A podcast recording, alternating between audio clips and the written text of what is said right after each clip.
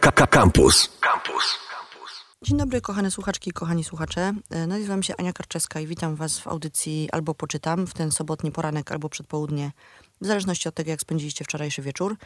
E, Dzisiaj moim gościem jest e, Błażej Brzostek. Dzień dobry. Dzień dobry. E, I jest moim gościem Błażej Brzostek dlatego, że będzie również gościem Nocy Księgań tegorocznej, o której tak naprawdę chcę wam dzisiaj trochę opowiedzieć. Mm, Noc Księgarni e, odbywa się w całej Polsce po raz czwarty już i po raz czwarty ja mam przyjemność współdziałać z organizatorami i robić promocję tak naprawdę tego wspaniałego wydarzenia. E, Ci, którzy mnie trochę lepiej znają, słuchacze i słuchaczki, wiedzą, że księgarnie kameralne to jest bardzo bliski mi temat e, i przy każdej możliwej okazji je promuję. E, W Warszawie, w ogóle program cały Nocy Księgarni jest na stronie www.nocksięgarni.pl i tam, jest, tam was odsyłam, bo tam są wszystkie informacje. Natomiast powiem tak, w Warszawie za tydzień, w piątek za tydzień, czyli 7 października, odbędzie się za dużo wydarzeń e, różnych, w których można brać udział, dlatego musicie sobie e, to przemyśleć i wybrać te, które was interesują najbardziej. Tak naprawdę Noc Księgar startuje już 6, e, czyli w czwartek, kiedy to w księgarni PWN będzie bardzo ciekawy cykl e, takich wykładów naukowych na bardzo różne tematy, które wam polecam, żebyście sobie przeczytali i też zobaczyli, czy nie chcecie wziąć w czymś udziału. To jest taki jakby e, aperitif na całej nocy księgarni. Potem siódmego e, w księgarniach, e, kilkunastu księgarniach w, e, i antykwariatach w Warszawie będą się odbywały bardzo ciekawe rzeczy. Ja wam tu wybrałam tylko garść e, informacji. E, Chciałam Wam polecić e, spacer oczywiście z moim gościem, czyli Błażejem Brzostkiem, o czym będziemy za chwilę rozmawiać. E, To jest jeden z dwóch spacerów. Drugim spacerem jest spacer śladami Witkacego po Warszawie. Oba spacery ruszają z księgarni Korekty, prawda? Która się znajduje, gdyby ktoś nie wiedział, przy osławionym Placu Zbawiciela, tak jakby na tyłach trochę. Na pewno ją znajdziecie. Mm, I tak, oprócz tego bardzo ciekawe spotkanie, na które ja na pewno się wybiorę, czyli spotkanie Literaturopol, trudna nazwa, e, o nostalgii w literaturze z udziałem Jacka Paśnika, Olgi Drendy i Maćka Marcisza e, w księgarni Baczyńskiego w ten piątek właśnie. E, Kolejny, w sensie po tej sobocie, w której jesteśmy dzisiaj. Oprócz tego, czy książki powinny wychowywać i uczyć, to jest bardzo ciekawa rozmowa, która odbędzie się w księgarni Czarnego. E, Rozmowa o smrodku dydaktycznym e, z Przemkiem Staroniem między innymi. E, Coś, no, w, czym nie wezmę udziału niestety, bo nie mogę się rozerwać, ale na pewno tego potem posłucham w internecie. Wszystkie te spotkania w ogóle można sobie potem obejrzeć. Mm, W Big Book Cafe jak zwykle ciekawe wydarzenie, bo w Big Book Cafe będzie mm, taki spektakl z grupą Dobrze, improwizowany, który będzie oczywiście o miłości do literatury. Mam nadzieję, że o tym będzie. Będą spotkania z Katarzyną Grocholą w Tarabuku, będzie spotkanie z Sylwią Hutnik w księgarni najlepszej. E, Będą najlepsze i najgorsze książki. E, Takie spotkanie, w którym weźmie udział Olga e, Wrubel, e, Maciej Libich i Justyna Sobolewska i będą rozmawiać o tym, co się ciekawego albo nieciekawego i mam nadzieję, że mm, przywiązują się do tego, że nieciekawe książki i niedobre też mają omawiać, bo ja zawsze jestem ciekawa krytyki bardziej niż pochwał. E, To jest spotkanie, które również będzie w Księgarni Czarnego.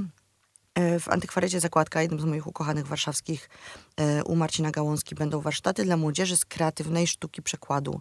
E, To jest dla- młodzieży licealnej, więc takiej trochę starszej. Myślę, że nikogo przy drzwiach Marcin nie zatrzyma, jeżeli ktoś chce wziąć w tym udział, jak jest starszy, to na pewno zostanie wpuszczony. Będą się, no nie dzieci, będą się młodzi ludzie uczyć sztuki przekładu na fraszkach, takich grach słownych i wierszach. I to jest wydarzenie z- zorganizowane wspólnie z e, STL-em, czyli Stowarzyszeniem Tłumaczy Literatury. Y, Natomiast ja chcę wrócić do, do tego spaceru, który się odbędzie. W, spacer w ramach Nocy Księgar jest tradycją. Y, Odbywa się w zasadzie za każdym razem. I w tym roku y, Błażej Brzostek, który jest, y, i teraz jest moment na przedstawienie, jest historykiem, y, badaczem historii społecznej i dziejów miast, jak wyczytałam, autorem już kilku książek takich, dla mnie to są pop- popularyzatorskie książki trochę, prawda? Bo to nie są takie stricte naukowe, naukowe, których się czytać nie da, które mogą czytać tylko historycy, tylko są takie książki, które absolutnie każdy może przeczytać. No cóż, jedna z nich była moją habilitacją, druga była doktoratem, jedna była magisterium. Y, Więc może są popularyzatorskie. Nie wiem, czy to w takim razie jest y, komplement, czy jest to Komplement jak przygana. najbardziej. Jak Wśród najbardziej historyków, komplement. jak się słyszy popularyzacja i że coś jest popularyzatorskiego, to od razu wydaje się to błahe i proste. Nie, to dla mnie to jest przystępne. Y, Tak, tylko pytanie, co to znaczy przystępne? No moglibyśmy tutaj długo rozmawiać. Oczywiście ja się bardzo cieszę z tego, że y, są do przeczytania. To zawsze wydawało mi się ważne, żeby można było książkę nawet naukową i nawet historyczną przeczytać z przyjemnością, prawda? Mhm. A to nie jest takie typowe i jakoś tak się stało, że w Polsce mamy dosyć grubą barierę między rzeczami naukowymi, a rzeczami e, dla ludzi.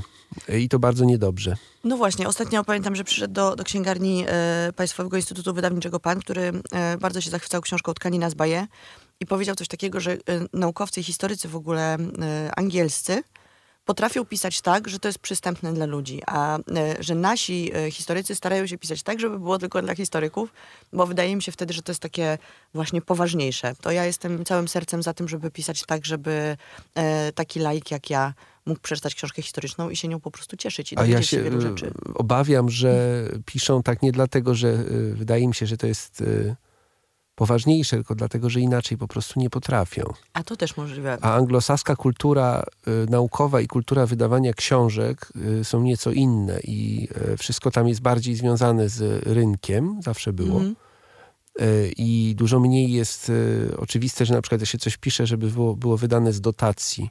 Mhm. Jak jest coś wydane z dotacji, to po prostu zostanie wydane. Może być napisane tak, że nikt tego nie będzie w stanie przeczytać, prawda? Mhm. No tak, to prawda. E, ale książka Wstecz, Historia Warszawy do początku, to jest taka książka, którą można nazwać, znaczy można powiedzieć, że odniosła sukces. Dostała Nagrodę Literacką Miasta Warszawy e, za warszawską książkę roku.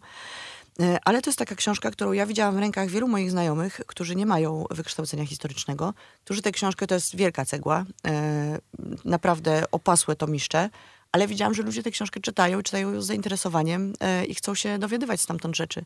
Więc myślę, że to jest sukces. No tak, no to okej, no ja nie lubię trochę słowa sukces, ale można dobrze. tak powiedzieć, bo są takie różne pokrewne y, określenia, prawda? Bestseller na przykład. Bestseller to nie jest ładne słowo. A no właśnie, a ono kieruje myśleniem, jeśli chodzi o książki i wydawania, wydawanie książek i nakłady, prawda? Podobno y, coś jest bestsellerem wtedy, jak się sprzeda w ilości powyżej 10 tysięcy egzemplarzy No w to naszych warunkach. cieniutko. No, ja wiem. Książki historyczne tak przeważnie schodzą w poniżej 2000. No prawda? tak, to prawda. Więc mamy rynek bardzo, bardzo, bardzo płyciutki, E, ale z drugiej strony przecież wiadomo, że właśnie nie tym należy mierzyć tak naprawdę znaczenie jakiegoś tam wydarzenia, faktu czytania, Mhm. prawda? Fakt czytania jest faktem, e, powiedziałbym, perfekcyjnym w sensie e, moralnym i dlatego wszystko jedno w gruncie rzeczy. Ile osób przeczyta? Ważne, Mhm. kto przeczyta, jak przeczyta, czy będzie z tego czytania coś dla siebie miał. To jest bardzo indywidualne zjawisko, które jakby, jeżeli je ujmiemy w liczbach, to od razu zaczyna się e, stawać jakieś takie dziwne, takie, takie nierealne w gruncie Mhm. rzeczy, prawda? Bardzo mi się podoba to podejście i e, cały czas je na antenie Radia Campus promuję, że nieważne ile się przeczyta książek rocznie, e, nieważne czy się czyta nowości i czy się goni za tym wszystkim, co się dzieje, ważne, żeby mieć e, przyjemność czytania i coś właśnie żeby, żeby coś w środku zostawało z tych książek.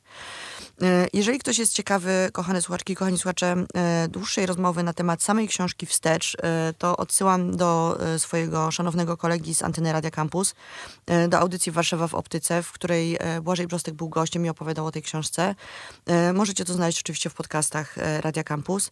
A my sobie dzisiaj porozmawiamy trochę o e, literackich miastach. I oczywiście pierwsze, co mi się wyświetliło, e, i już dostałam trochę burę za to w, e, w, przed wejściem na antenę, że Kraków to to jest takie literackie, wspaniałe miasto i zawsze było i tak dalej, a Warszawa tych swoich literackich miast nie ma. I na to Błażej Brzostek powiedział, że to jest nieprawda. To jest No to nieprawda. jest nieprawda oczywiście, natomiast e, to jest e, też i prawda, bo e, co to jest prawda, a co jest nieprawda. Oczywiście, że istnieją mity, istnieją pewne kreacje, istnieją też pewne ciągłości. Kraków takiej ciągłości ma znacznie więcej niż Warszawa, ale też Kraków przez ponad 100 lat należał tak naprawdę do innej przestrzeni politycznej e, niż Warszawa. I wtedy, mam na myśli XIX wiek, się ukształtowała nasza dzisiejsza definicja czytania w gruncie rzeczy, jako czytania jednak masowego e, i masowego wydawania książek. E, I oczywiście warunki, w których drukowano, wydawano książki w Krakowie i gazety w Krakowie i w Warszawie były absolutnie różne. Zwłaszcza w ostatniej ćwierci XIX wieku w Krakowie z punktu widzenia Warszawy panowała wolność, jeśli chodzi o Mhm. e, wydawanie e, książek, gazet, dyskutowanie, tworzenie faktów kulturowych, kulturalnych, otwieranie się różnych przestrzeni, jak to dzisiaj się mówi, prawda, Mhm. dialogu.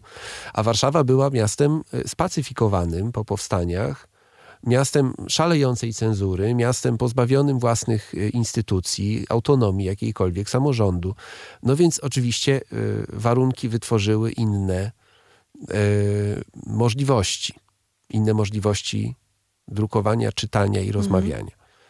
E, No powiem tyle, że krakowska e, prasa była generalnie e, zakazana w Warszawie. Nie można było jej swobodnie importować i czytać. No i właśnie, i co z tego wynika? Wynika z tego, że jak weszliśmy w okres no, nowoczesności, XX wiek, mm, to Kraków miał już pewne instytucje, tradycje i swoje, swoje własne wyobrażenia o sobie, a Warszawa musiała ich szukać. Mhm. Co nie zmienia faktu, że y, y, no, zrąb XIX i XX-wiecznej literatury, którą się czyta do dzisiaj w szkołach, powstał w Warszawie. Mhm. Chyba największa powieść XIX wieku y, polska, czyli Lalka Prusa, jest powieścią warszawską. Chyba nawet ja bym zaryzykowała stwierdzenie, że nie tylko Polska. To jest po prostu jedna z największych powieści XIX-wiecznych w ogóle. No tak, chociaż jakbyśmy o to zapytali gdziekolwiek y, poza Polską, to przypuszczam, że mało kto by o tym wiedział. Mhm.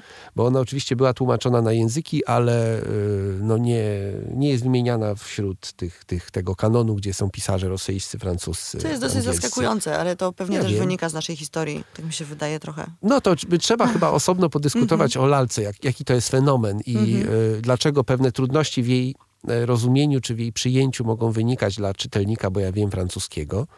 Natomiast y, te wszystkie wielkie tygodniki ilustrowane, one były w Warszawie i były e, świetnie ilustrowane, były grubsze, były większe. To jest XIX wiek. Tu po prostu była wielka publiczność czytająca, która przez te sitko, sitka cenzury próbowała się czegoś dowiedzieć, coś wyrazić, prawda? I tak dalej. No i potem dopiero tak naprawdę po, e, po Wielkiej Wojnie, wtedy gdy powstała Polska, w Warszawie można było sobie e, swobodniej e, podziałać kulturalnie, prawda? No i wtedy się zaczynają wielkie, wielkie rzeczy dziać właśnie w Warszawie. Mam na myśli grupę Skamandra, mam na myśli te wielkie domy wydawnicze, które zresztą miały też genezę XIX-wieczną. Gebetnera i Wolfa, Orgelbranda, prawda? e, To Mordkowicza, Mordkowiczowej potem. E, I tu wydawano te e, znowu najważniejsze czy najbardziej głośne powieści w rodzaju Nocy i Dni Dąbrowskiej. I tutaj w ziemiańskiej kawiarni, czy cukierni raczej ziemiańskiej, na Mazowieckiej się spotykali wszyscy ważni mniej ważni i aspirujący pisarze warszawscy i polscy. E, I w tym sensie ziemiańska miała takie hegemoniczne znaczenie, chociaż jeszcze znowu inaczej, bo e, Polska nigdy nie była tak zdominowana wbrew pozorom, wbrew takiemu mitowi czarnemu przez stolicę czy Warszawę, jak mm, inne kraje bywały czy są zdominowane przez swoje stolice. No, Polska międzywojenna miała przecież i Kraków, ale miała Lwów, potężne centrum, prawda, e, kulturalne i Warszawa w tym gdzieś powiedzmy trójkącie funkcjonowała i nie miała takiej hegemonicznej pozycji. No natomiast te wszystkie e, nieprzeliczone e, domy wydawnicze, redakcje gazet, e, antykwariaty, kawiarnie literackie Warszawy międzywojennej, e, które wszystkie znikły i to też dlatego Kraków rządzi, bo zachowały się tam i wnętrza, i tradycje, i przetrwali w dużej mierze wo- wojnę ludzie, którzy wrócili do swoich miejsc, prawda? Warszawa była w proszku. No i też znowu e, poddana odbudowie, ale też poddana e, no, takiej nowej formule władzy, jako stolica państwa nowego typu, socjalistycznego czy totalitarnego, prawda? Kraków został sobie trochę na uboczu, miał swój tygodnik powszechny, miał swoje własne tradycje, bronił ich. No Warszawa była miastem otwartym. To zresztą też, jeżeli mówimy o Warszawie i Krakowie, jest fascynujące, no przecież jak to są różne miasta w sensie przestrzennym. Kraków Tak, jakby nie należało do tego samego kraju, prawda? No. Jak się tak przejeżdża z jednego do drugiego. To też prawda. No Kraków jest taki monocentryczny, wszystko dąży do rynku i się takimi kręgami wokół rynku rozwija i rozprzestrzenia. Warszawa jest przelotowa. I trudno powiedzieć, gdzie jest jej serce, prawda? Y, Dzisiaj, no ten spacer, o którym pani mówiła przed chwilą, który się odbędzie 7 października, no to jest y, spacer po, po śladach, no nawet, nawet nie śladach, bo nawet w wielu miejscach nie ma śladu po, po tym, co tam było. Mam na myśli na przykład taką kamienicę Gebetnera i Wolfa, którą każdy warszawski inteligent lat 30. na przykład doskonale znał. I tam była wspaniała księgarnia. Nie ma po niej śladu. Śladu dosłownie. To znaczy jest to zabrukowany kostką betonową parking. I to jest bardzo wiele miejsc, e, bardzo wiele takich absolutnie dzisiaj anonimowych e, witryn, apteka na przykład. No zwykła apteka, a tam była kawiarnia, w której przesiadywał Antoni Słonimski. No i kto o tym wie? A Antoni Słonimski to była instytucja życia poetyckiego, kulturalnego, politycznego i wszelkiego w, e, w Polsce od lat 30. do lat 70. XX wieku. Tak, to taka postać łącząca, prawda? Taki człowiek, który skupia wokół siebie bardzo wiele różnych osób i różnych e, tak naprawdę wydarzeń e, kulturalnych. Tak, no i kreuje je bez przerwy i w- zresztą człowiek... Też o- ciężko szukać teraz takich postaci. No tak, bo się wszystko zmieniło. Nie wiem, czy Antoni Słonimski by się na przykład udzielał w internecie i miałby swojego e, bloga. No, jako starszy pan pewnie raczej miałby bloga niż inne formy komunikacji. Ale nie wiem, czy by tak było. Natomiast w, w latach, o których mowa, czyli w połowie XX wieku, nie było internetów, nie było innych narzędzi, nawet telefony średnio były, prawda? Więc takimi miejscami, w których toczyło się życie, e, były kawiarnie, były knajpy, redakcje gazet, były y, różne kluby, kluby empików na przykład, gdzie czytano gazety i potem się odbywały wydarzenia. Wszystko to całkowicie zanikło. Całkowicie zanikło. E, Trochę rozmawialiśmy o tym, jaka była specyfika Warszawy, jaka była specyfika Krakowa, dlaczego te e, miasta literackie, w cudzysłowie, inaczej wyglądały, inaczej się kształtowały. E, I ja mam takie wrażenie, jak jeżdżę do Krakowa, że ten Kraków faktycznie trochę e, został, jakby zamroził się w czasie, przynajmniej ten Kraków, taki okolic rynku e, i Kazimierza, powiedzmy, i Podgórza. Natomiast Warszawa cały czas się zmienia, cały czas idzie do przodu. Jest takim miastem, które jest e, chaosem, tak naprawdę, nie do opanowania. E, I tak jak powiedzieliśmy wcześniej, podczas tego spaceru, który się odbędzie na Nocy Księgarni, tego 7 października, to będzie tak naprawdę spacer śladami duchów. Duchów budynków, nie duchów ludzi, ale duchów ludzi też. Bo Warszawa tak naprawdę w tym momencie bardzo ciężko by było wyznaczyć jej jakieś punkty poza kawiarnią amatorską może, w której cały czas jeszcze ci e, literaci, poeci, dziennikarze się e, spotykają. E, tak naprawdę ciężko jest wyznaczyć jakieś inne punkty, w których to życie literackie teraz się toczy. E, Oczywiście mamy księgarnie, w których e, są spotkania literackie. Po tych spotkaniach literackich e, uczestnicy tych spotkań, czyli z mojego doświadczenia wynika, że między 5 a 10 osób, bo więcej osób po prostu e, na większość tych spotkań nie przychodzi. E, Przenoszą się do jakiejś lokalnej e, lokalnej kawiarni, nie wiem, e, pubu, klubu, cokolwiek i próbują o tej litera- e, literaturze, literaturze nadal rozmawiać, natomiast Warszawa jest miastem bardzo głośnym, więc znalezienie miejsca, żeby pogadać spokojnie o literaturze jest trudne. Kraków jest inny, Kraków jest spokojniejszy, cichszy e, i tam tych miejsc e, do rozmowy jest po prostu znacznie więcej. No ja myślę, że to wynika w, w dużej mierze z faktu, że Kraków ma inną przestrzeń, w której ludzie się, ludzie pewnych kategorii się po prostu łatwiej spotykają, no, także przypadkiem. E, Spotykanie przypadkiem kogoś w Warszawie stało się dość trudne. E, I no to wynika z wielu powodów, z innego mm, stylu życia, z innej ruchliwości, braku takiego rynku, jaki jest w Krakowie. Pewnie jest najważniejsza różnica, ale też braku stabilności, stałości pewnych miejsc. Jak ja sobie przypominam, te wszystkie, a było ich wiele, e, kawiarnio, księgarnie, choćby z lat 2005 powiedzmy, sprzed 15 lat, jeszcze sprzed 10, nie ma żadnej. Tak, i to jest moim zdaniem wielki, wielki wstyd e, w ogóle włodarzy Warszawy. I to od bardzo dawna, to nie jest tak, że ostatnio, chociaż ostatnio mam wrażenie, że jest jeszcze gorzej, że oni się tymi literackimi miejscami w Warszawie w ogóle nie opiekują. E, Tak jakby ta literatura była e, zupełnie wyrugowana z Warszawy. Padają kolejne księgarnie. No moim najmniej ulubionym przykładem jest księgarnia e, Józefa Konrada, która była tuż przy Empiku. Chciałem o tym E, powiedzieć. I Empiku już nie ma, ale księgarni e, Józefa Konrada już też nie ma. I nie ma jej od naprawdę, myślę, że kilkunastu lat już w tym momencie. I Mm, ten chyba lokal stoi pusty. Aż kilkunastu to nie. Mam wrażenie, że to jest kwestia jakichś ośmiu lat, sześciu lat.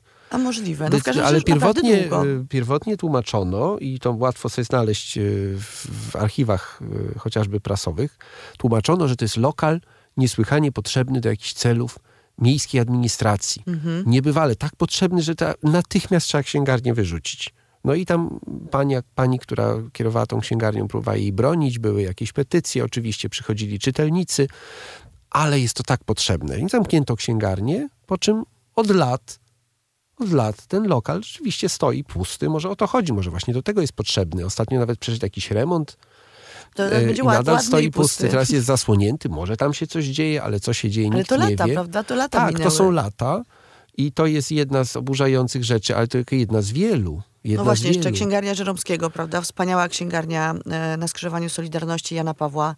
Sklep z tanią E, odzieżą tej Tak, sklep z tanią odzieżą. I tych miejsc faktycznie można wymieniać i wymieniać. Oczywiście, że tu można dyskutować. Możemy zaraz, y, nawet dobrze by było się spotkać z kimś, kto y, reprezentowałby miasto, Mhm. i z kimś, kto by reprezentował interesy księga, księgarzy.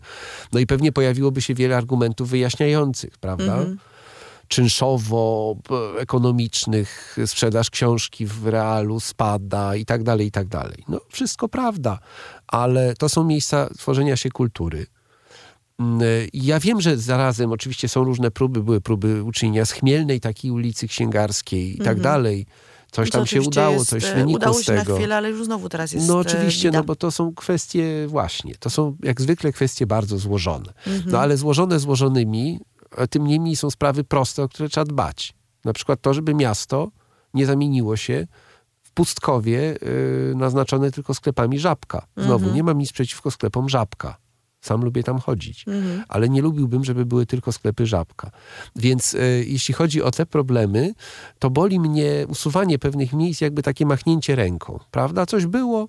E, inny przykład. E, słynna warszawska kawiarnia artystyczno-literacka Lajkonik, która Mhm. była przy placu e, Trzech Krzyży i której bywalcy Tadeusz Gronowski i plastycy w latach 50. namalowali na ścianach rysunki, takie malowidła, które pokazywały karykatury różnych bywalców i to Mhm. wszystko się zachowało. I to wszystko tam trwało do momentu, gdy Lajkonik się wyniósł. Potem tam był sklep z odzieżą, którego przy, remoncie na szczęście nie skuto tych e, malowideł, tylko je e, zasłonięto płytami kartonowo-gipsowymi, no, które łatwo było zdjąć. Potem była kawiarnia Starbucks i wielki szacunek. Oni wyeksponowali te y, malowidła i je poddali konserwacji. I to było bardzo fajne wrażenie. No ale Starbucks się wyniósł znowu i lokal od bodajże dwóch lat stoi pusty. Okna są zakryte. Ja się bardzo boję, co tam się dzieje. Czy te malowidła jeszcze tam w ogóle są? E, a jeżeli są, to co się z nimi stanie, komu to zostanie oddane. No, problem polega na tym, że niestety po wielu różnych doświadczeniach warszawskich wiemy, że y, nie istnieje y, taka bezpieczna i sprawna administracja tego typu problemami.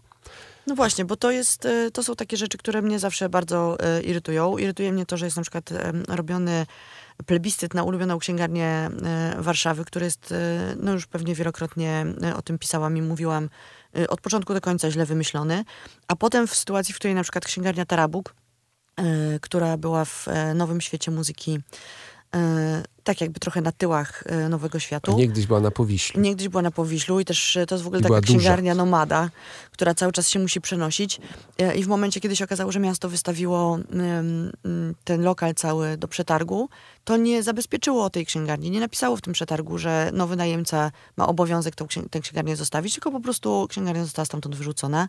Teraz znalazła bezpieczne, bezpieczne miejsce. Mam nadzieję, że chociaż na jakiś czas w e, e, CSW w Warszawie. Natomiast to jest przykład, jak, e, jak ci e, włodarze warszawscy e, olewają pewne sprawy. No Jakby pewnie oni nie dbając o mogą, pewnie oni się powołają na to, że są przepisy rozmaite dotyczące przetargów publicznych, które uniemożliwiają preferowanie kogoś i tak dalej. I No ja ale tu myślę, znowu że wracamy do Krakowa, który ma po prostu e, cały program, który polega na tym, że, się, że są preferencyjne czynsze dla księgarń e, w miejskich lokalach. I to się da zrobić, jak się okazało. No, oczywiście, że się wiele rzeczy da zrobić, no, y, ale to jest w ogóle bardzo ciekawe, bo to jest taka cecha warszawska, y, taka niestabilność y, i niespójność, Mhm. prawda? Miejsca się pojawiają i znikają. Bardzo niewiele jest takich, które mają dłuższą tradycję. Ostatnio nawet była e, jakaś znowu e, mała awantura wokół słynnej e, księgarni czytelnika przy ulicy Wiejskiej. Mhm. Ona zdaje się będzie trwała, chociaż już jej bywalcy słynni, prawda? Konwicki, Holubek i tak dalej, no nie żyją od dawna. Więc to jest jeszcze inna sprawa, prawda? Przemijają pokolenia, pojawiają się nowe. E, Warszawa jest miastem generalnie młodym, w sensie takich e, fluidów e, miejskich i e, łatwo zapomina, wbrew temu, co e, widnieje we wszystkich jej e, opisach, że to jest miasto, które pamięta, które upamiętnia, no może upamiętnia, znaczy stawia pomniki e, i opowiada o swoich powstaniach, natomiast nie pamięta bardzo często o e, rzeczach drobnych, takich właśnie jak kawiarnia, księgarnia, prawda, której co, ktoś był, coś się kiedyś działo, no ale nie dzieje się już, no to o, o czym tu mowa, prawda? No tak, to prawda. Y, I to jest pewien duch miasta. Ja znowu nie byłbym tutaj aż tak, bo my strasznie narzekamy i słusznie, ale z drugiej strony, no to jest jakaś specyfika. Jedno się zamknęło, otwiera się coś nowego. Może my czegoś nie wiemy, nie widzimy, że gdzieś coś kiełkuje, prawda? I za chwilę się okaże, że to jest bardzo ważne i znowu już tego nie będzie potem i będziemy mówili o matko, jak, jak to możliwe, że znowu nie ma. No taka jest jakaś ta mechanika warszawska i czasem jestem tym bardzo przygnębiony, a czasem mi się to podoba. Nie mam tu stałego mm, punktu widzenia, co chyba jest też dość warszawskie. No ja pamiętam taką rozmowę z e, młodym literatem, który do Warszawy się właśnie e, sprowadził, który napisał do mnie, że w ogóle świetnie, świetnie, to zobaczymy się na jakieś piwo, pogadamy. E, to gdzie się warszawiacy spotykają? I ja mu odpisałam, ale którzy? On mówi, no na przykład ci właśnie co piszą, nie wiem, piszą o książkach, piszą książki, czytają te książki. I w zasadzie faktycznie jedynym miejscem, które przyszło mi do głowy jest amatorska. Czasami się jakieś rzeczy wydarzają w e, klubie, tak naprawdę młodsza siostra. E, są te księgarnie, które walczą, próbują tam e, jakby No wokół siebie. świata. Tak, bardzo ważne tak, próbują bardzo wokół siebie er, po prostu skupiać te mikrospołeczności, bo to już nie są e, duże Tak. grupy ludzi, Oczywiście, prawda? że są mikro, ale to jest y, chyba zgodne z jakimś tam y, duchem ewolucji kultury współczesnej, tak mi się wydaje. To znaczy małe społeczności, które się y, tak naprawdę opierają w dużej mierze na porozumieniach wirtualnych, na obecności wirtualnej, przecież jest mnóstwo eventów, które są też tam roz, propagowane, prawda? E, I pod wpływem Facebooka czy jakichś innych mediów, potem nagle ludzie mogą gdzieś przyjść, a mogą nie przyjść. I e, ty, przestrzeń jest jakby często wtórna wobec tych porozumień, które są gdzie indziej, prawda? Co zrobić, żeby przestrzeń była pierwotna? Wydaje mi się, że właśnie takie działania, jak istnienie księgarni o kawiarni, e, takie jak wrzenie świata, no to są takie metody, żeby ludzie, tak jak za dawnych czasów, przychodzili i widzieli innych ludzi, którzy też przychodzą, prawda, tych samych, żeby się tam mogli poznać. Bywalców, to jest moje Bywalców, ulubione tak. słowo ostatnio. Bywalców. Z bywalcami w ogóle jest y, problem właśnie dlatego, właśnie z powodu tego, tej wirtualizacji życia, moim zdaniem, i tego, że dyskusje się w dużej mierze tam przeniosły i są dużo częściej tam interesujące niż tu. No wreszcie po, jesteśmy po pandemii, ona strasznie wszystko znowu y, zmieniła i zachwiała, prawda? I okazało się, że mnóstwo spotkań było online i były udane na przykład. No to dlaczego nie? No tak, ja też widzę teraz odpływ e, ludzi, bo organizuję właśnie w, e, w Państwowym Instytucie Wydawniczym e, spotkania. Bardzo dbam o to, żeby te spotkania były merytorycznie bardzo dobre i przychodzi tam na żywo, oglądają oczywiście ludzie w internecie, ale na żywo przychodzą w zasadzie stali ludzie. To jest to, ta ekipa związana z literaturą na świecie, to, są, to jest magazyn Wizje, e, to jest kilku pisarzy, kilku, kilku tłumaczy, pisarek i tłumaczek. E, I koniec tak naprawdę czytelników i czytelniczek takich, którzy nie są związani ze światem literackim, ja na spotkaniach literackich nie widuję. Oczywiście ja chodzę na e, te mniej popularne i, i staram się wybierać nie, nie te spotkania, w których uczestniczy jakiś bardzo popularny pisarz czy pisarka, tylko jednak wspierać tych, na których spotkania prawdopodobnie właśnie nikt nie przyjdzie. I widzę taką tendencję właśnie do tego, że ta grupa, wąska grupa ludzi, którzy na co dzień zajmują się literaturą, potem idzie gdzieś właśnie na piwo, na wino i o tej literaturze rozmawia. Natomiast tak naprawdę to są rozmowy cały czas wewnątrz, to słowo, które mnie zaczyna złościć coraz bardziej, bańki. E, A taka osoba, która po prostu chciałaby przyjść i pobyć, w, e, posłuchać tych rozmów, nie wiem, poprzysłuchiwać się, bo przecież to też było ważne, prawda? Nie wszyscy byli zaproszeni do stolika Słonimskiego. O, wręcz przeciwnie. E, ale mogli siedzieć dwa stoliki dalej Oczywiście, i no podsłuchiwać. tak, to podsłuchiwać to też robili pracownicy służ- służby bezpieczeństwa. też nie byli zaproszeni. Natomiast no, można przyjść sobie do Teatru Nowego, można sobie przyjść do Domu Spotkań z Historią. Tam są bardzo dobre księgarnie, tam można sobie pić kawę e, albo wino i sobie tam być po prostu. I wiele osób tak sobie jest. E, mam wrażenie, że to jest potrzebne ludziom nie tylko po pandemii, ale też właśnie w związku z tą atomizacją, jaka nastąpiła w świecie realnym, E, bo, no bo przecież ta mechanika była e, w dawnych czasach, o których, o których będziemy rozmawiać w czasie tego spaceru po Warszawie, w dawnych czasach była zupełnie inna. Mhm. Kontakt z człowiekiem polegał na kontakcie twarzą w twarz lub poprzez tekst. E, I teksty były e, na papierze. Żeby zdobyć tekst, trzeba było go zaabonować albo gdzieś pójść. Bardzo często czytano gazety w kawiarniach. Zjawisko, które zanikło w pandemii. I jeszcze przed pandemią w kawiarniach warszawskich były gazety. Teraz ich Teraz nie już ma. w ogóle gazet Tak. prawie nie ma. No nie ma, tak. I to, jest, to są zmiany w kulturze, możemy to opłakiwać. No trudno, tak się dzieje. I jak były gazety, no to przychodzili ludzie. Kto przychodził? Przede wszystkim panowie czytać gazety. Taka była tradycja XIX-wiecznej y, kawiarni. No więc to był świat dość męski, prawda? W którym kobiety się czuły y, mniej pewnie. Mhm. I e, tu interweniowała literatura, e, literatura w dużej mierze. To znaczy sukces literacki kobiet sprawiał, że one e, stawały się, e, jak to powiedzieć, bezpieczniejsze albo w każdym razie ważniejsze w tej przestrzeni publicznej e, definiowanej przez kawiarnię, definiowanej przez salon miejski. Prawda? Bo w salonie domowym, no to już od XVIII wieku kobiety odgrywały e, ogromną rolę, niekiedy decydującą, prawda? Natomiast w tym salonie, w tym życiu miejskim, które było jednak zdominowane przez burżuazję męską, no to literatura i krytyka literacka i e, także pokazy teat teatralne, które były w kawiarniach, prawda? Pokazy e, obrazów, wystawy i tak dalej. No to wszystko kreowało taką przestrzeń nową, którą nazywano nowoczesną, prawda? I Warszawa tutaj no zdecydowanie była y, w II Rzeczypospolitej wśród miast y, polskich no, y, ośrodkiem dominującym. Ze swoimi słynnymi miejscami, e, do których się przychodziło, żeby obcować z tym, co nowe właśnie. Chociaż z drugiej strony oczywiście było wiadomo, e, że to, co nowe, ciągle definiuje nam Paryż przede wszystkim, a w e, dużej mierze też i Ameryka. Poprzez film, poprzez plakat, poprzez i tak dalej.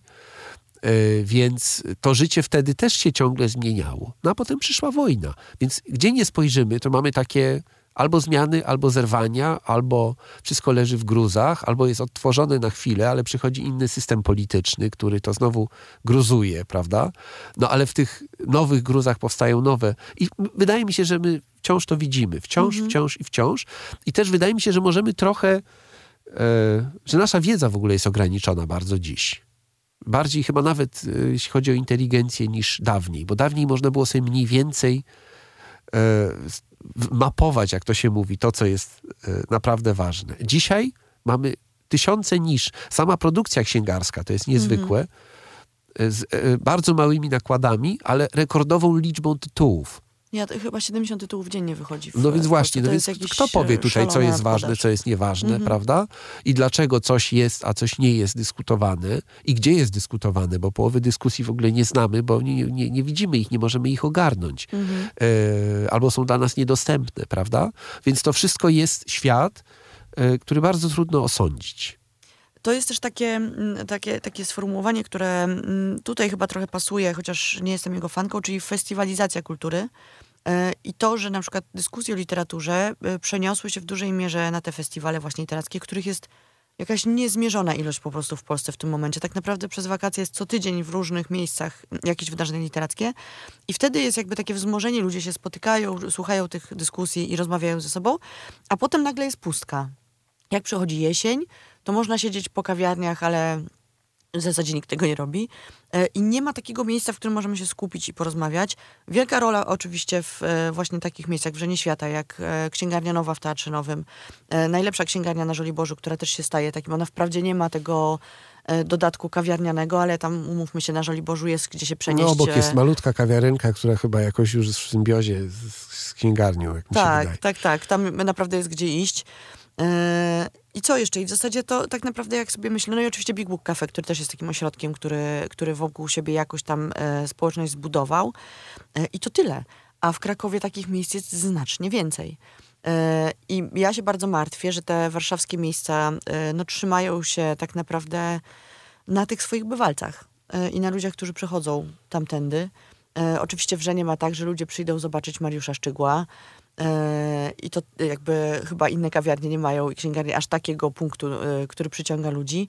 E, muszą się e, starać bardzo, robiąc jakieś spotkania właśnie z, z ciekawymi pisarkami, pisarzami, nie tylko zresztą.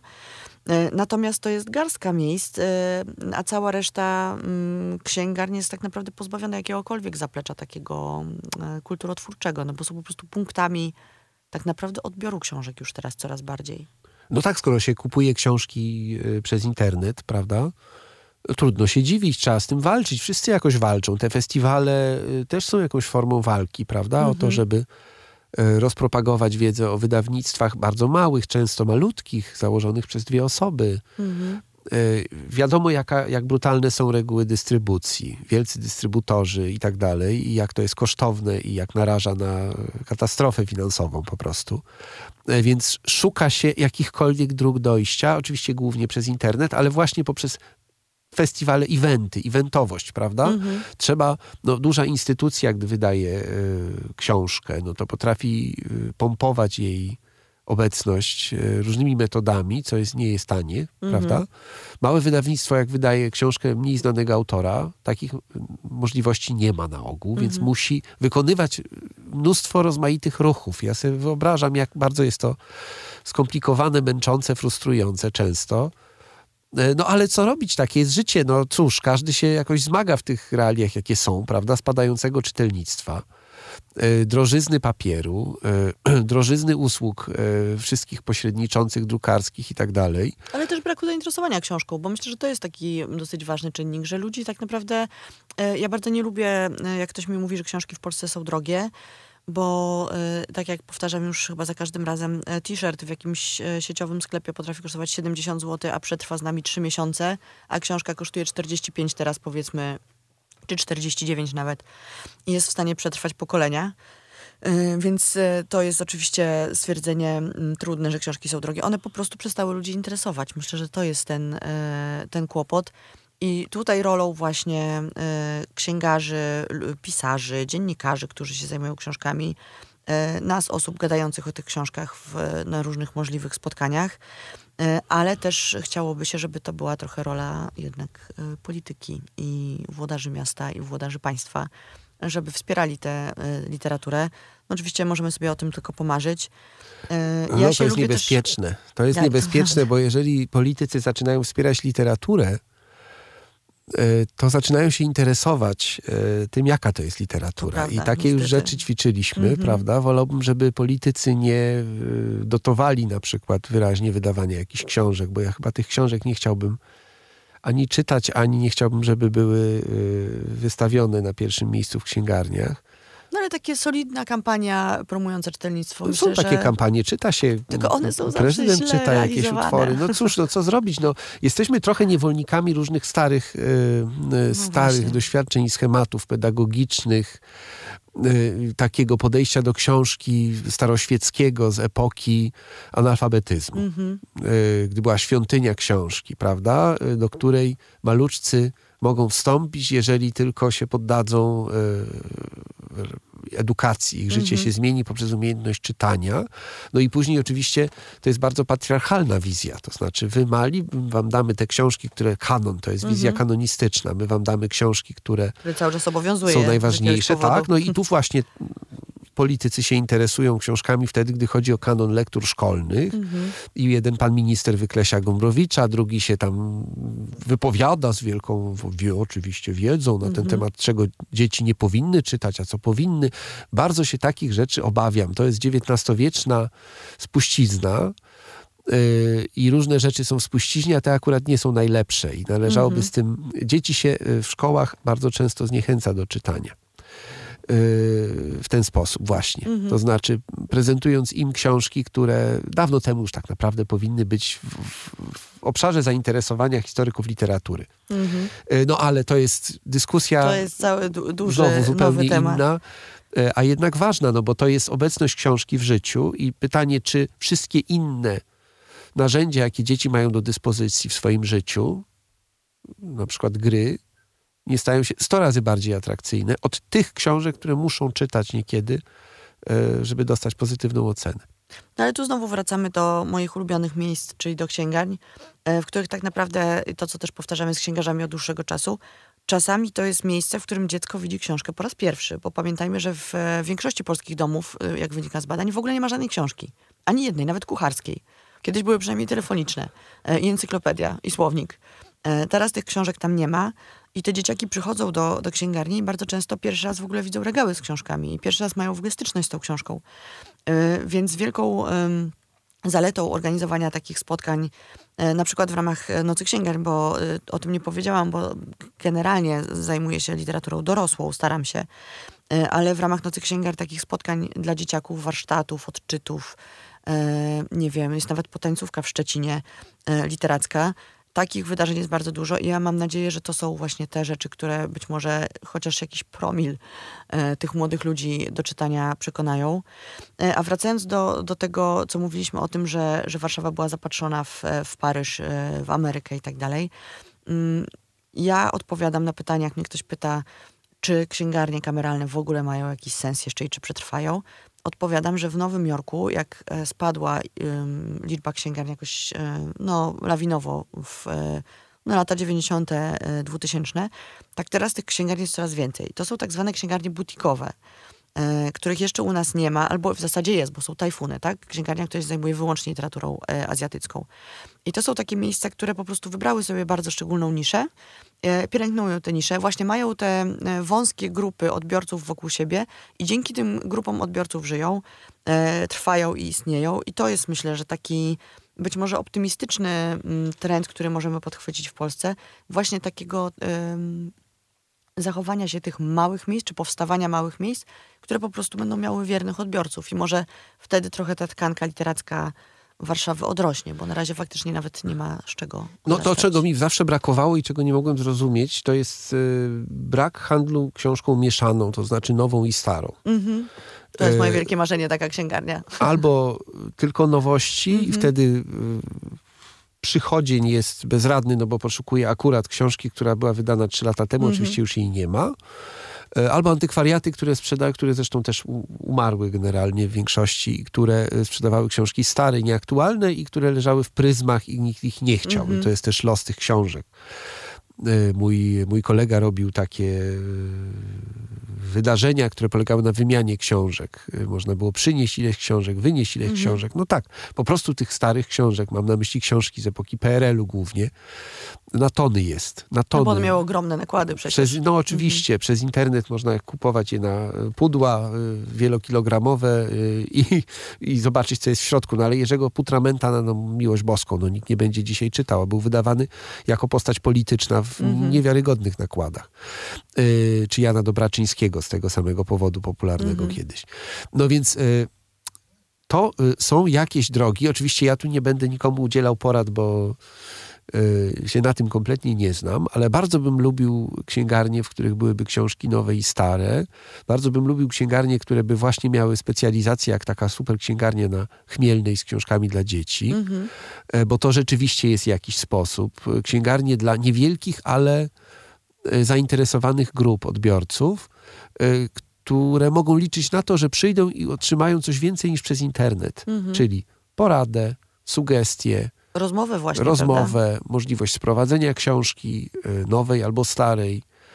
Y, I tak, to byłaby jakaś droga. Do tego nawet niewielkie lokale są y, wystarczające, prawda? No ale cóż, znowu pytanie, ile tu w tym musi być rynku, a ile w tym może być po prostu pomysłowości.